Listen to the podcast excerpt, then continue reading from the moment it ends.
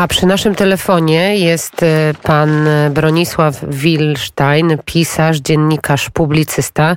Dzień dobry, panie redaktorze. Dzień dobry. Podsumowałam teraz konferencję Jensa Stoltenberga i prezydenta Andrzeja Dudy. Pan również przysłuchiwał się poniekąd tym słowom. Jak pan odbiera ten przekaz, który idzie z Warszawy? Znaczy ja nie do końca się zgadzam, że wypowiedź prezydenta Dudy to jest dementi przekazania przez Polskę e, samolotów e, Ukrainie, czy też w ogóle przez państwa, bo to nie tylko Polska miała przekazać, bo to również Bułgaria i inne tam kraje z tej flanki miały przekazać te stare samoloty rosyjskie. Otóż e, Andrzej Duda tylko powiedział, że nie będą latały polskie samoloty w tej wojnie, nie będą brały udziału. A jeżeli przekażemy je Ukrainie, sprzedamy na przykład, no to już nie będą polskie samoloty, tylko to będą ukraińskie samoloty. Więc to jest troszkę inna sprawa. To jest e, jak gdyby takie stwierdzenie, my nie będziemy bezpośrednio uczestniczyli w tym prawda, konflikcie bezpośrednio. Tak, naszymi to żołnierzami, znaczy, tak, tak, tak, tak personelem. Naszym sprzętem. Mhm. W momencie, kiedy nasz sprzęt zostanie przekazany do Ukrainy, to już będzie to sprzęt ukraiński. Oczywiście wielu ludzi może pomyśleć, że to są takie bardzo sofistyczne rozróżnienia, ale one mają znaczenie w grze tej politycznej. Bo przecież wiadomo, że Zachód w tej chwili, a Polska zwłaszcza, wspiera Ukrainę. Wspiera Ukrainę, ale nie do tego stopnia, żeby się zdecydowała wziąć bezpośrednio udział w działaniach wojennych. Panie redaktorze, też pojawiła się taka nieoficjalnie informacja, którą mamy potwierdzoną tak nieoficjalnie z, ze strony Ministerstwa Spraw Zagranicznych, że ambasador Rosji może już pakować się do końca tygodnia e, e, z Warszawy, a także ma być zerwanie stosunków i nakaz opuszczenia e, placówki. Uważa pan, że to dobra decyzja i czy nie za późna decyzja? Stwierdzenie, że coś jest za późno w tej chwili trochę nie ma sensu zastanawiania się, a może być wcześniej. Y, ja, zerwanie stosunków z krajem, z którym się oficjalnie nie jest w stanie wojny, no to jest rzecz bardzo wyjątkowa. Ja zwracam uwagę, że Ukraina zerwała stosunki z Rosją i nawzajem dopiero w momencie inwazji rosyjskiej. Formalnie bez wypowiedzenia wojny i to trzeba podkreślić. No tak, ale no, no przecież to jest operacja pokojowa. No to jest żart oczywiście taki ponury z mojej strony, w cudzysłowie, no ale tak to sformułował e, Putin zgodnie ze starą tradycją rosyjską i sowiecką, że właśnie że pokój, który tam nam prezentuje Moskwa, to jest taki, po którym kamień na kamieniu nie zostanie.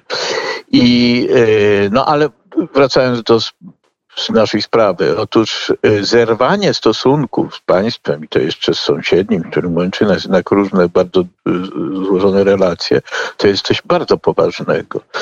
I dlatego ja uważam, że w tej sytuacji to jest zachowanie właściwe, to jest pytanie. Y, natomiast i mam nadzieję, że jeżeli Polska to zrobi, to nie tylko Polska, ale, ale większość państw NATO albo Unii Europejskiej. Pytanie, jak to dalej będzie się rozwijało.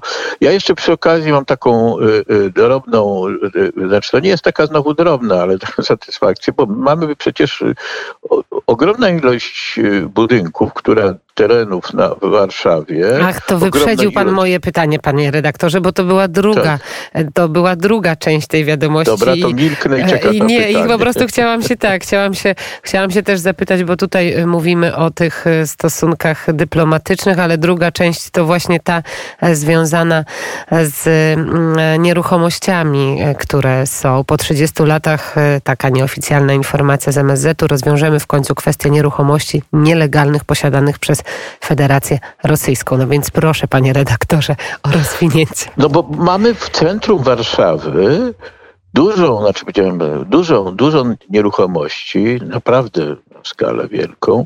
I które nigdy nie zostały kupione przez Rosję, a są traktowane przez Rosjan jako ich własność. Oni nie mają tytułu. Oni dostali to, przejęli to jako przejęli Polskę, kiedy PRL został prawda, ustanowiony, czyli zależny kraj od, od Związku Sowieckiego, no to sobie tam Sowieci decydowali, gdzie chcą być, gdzie chcą funkcjonować. No popatrzmy, jak wygląda ambasada sowiecka. To jest coś niebywałego, przepraszam, sowiecka, w tej chwili rosyjska, ale to była dawniej sowiecka. To jest w środku miasta Tak, to jest w środku miasta potężny jakiś teren, ogromny, z tym pałacem, zresztą pałacem, który góruje nad polskimi rządowymi tam ośrodkami, które są obok znacznie. To wyłącz, wygląda jak naprawdę pa, pałac namiestnika moskiewskiego. No, mam nadzieję, że już te czasy minęły, kiedy Polska była prowincją rosyjską czy sowiecką, czy na jedno wychodzi w tym wypadku.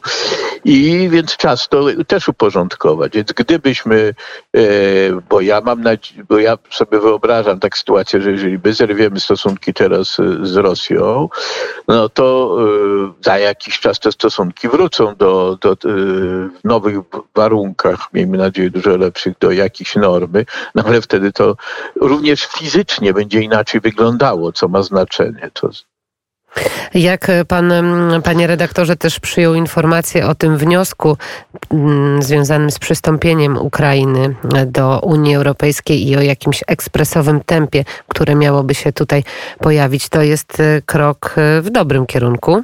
To jest krok, e, absolutnie krok w dobrym kierunku. Ja tylko oczekuję, że podobne działania podejmie się wobec przystąpienia Ukrainy do NATO podobny tryb. No ale to w tej chwili w związku z wojną to jest takie wyraźnie NATO się wstrzymuje od tego. Ja przypomnę tylko, bo to jest nigdy dosyć przypominania, że w 2000 2008 roku, prawda? W 2008 roku był ten szczyt budapeszteński NATO, przepraszam, bukareszteński, w Bukareszcie ten szczyt był i e, wtedy Lech e, Kaczyński, prezydent Polski, wystąpił z propozycją, zresztą popierany przez Stany Zjednoczone, aby otworzyć drogę do przystąpienia do NATO Ukrainy i Gruzji.